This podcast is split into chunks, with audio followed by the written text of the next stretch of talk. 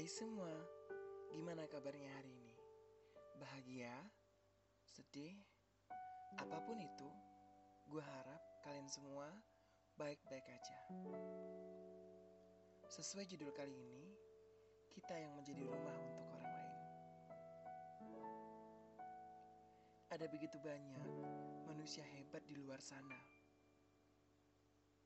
Ada begitu banyak manusia super tanpa memiliki kekuatan super di luar sana. Banyak pundak-pundak kuat yang rapuh, yang sedang berjuang untuk menguatkan satu sama lain. Padahal, ia juga butuh dikuatkan. Ada banyak telinga yang siap mendengar keluh kesah. Padahal, ia juga butuh didengarkan. Ada banyak trauma yang harus disembuhkan. Juga perlu disembuhkan. Air mata yang siap diusap ketika membasahi pipi. Namun, air matanya sendiri telah kering. Kalian gitu juga gak sih? Peduli banget sama orang lain. Sayang banget. Padahal mereka bukan siapa-siapa. Keluarga juga bukan. Bahkan lebih sayang dan peduli sama mereka daripada diri sendiri. Dan menganggap mereka melebihi keluarga. Pernah dengar kalimat itu gak sih? Pasti kalian pernah. Tapi menurut gua wajar-wajar aja. Itu hak setiap orang. Sampai bahkan ada yang jadi saudara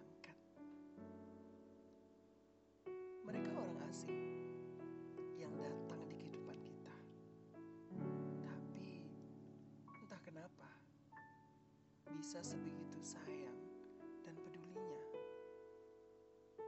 Padahal lo juga butuh kasih sayang, butuh perhatian, butuh kehangatan. Yang di mana kita telah kehilangan rumah yang sebenarnya. Kita yang saat ini sedang mencari rumah yang sebenarnya.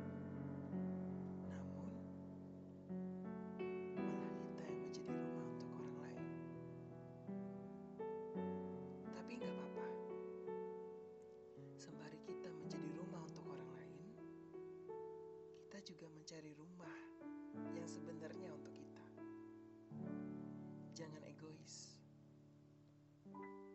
Jangan egois sama diri sendiri ya. Kamu itu juga butuh rumah. Butuh kasih sayang. Butuh cinta. Butuh kenyamanan dan kehangatan.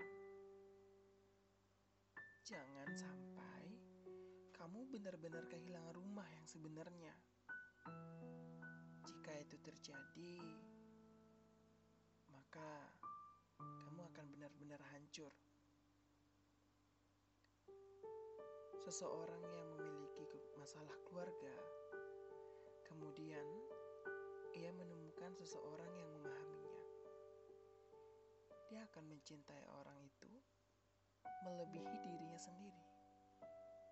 Mengapa? Karena ia butuh rumah kedua untuk pulang.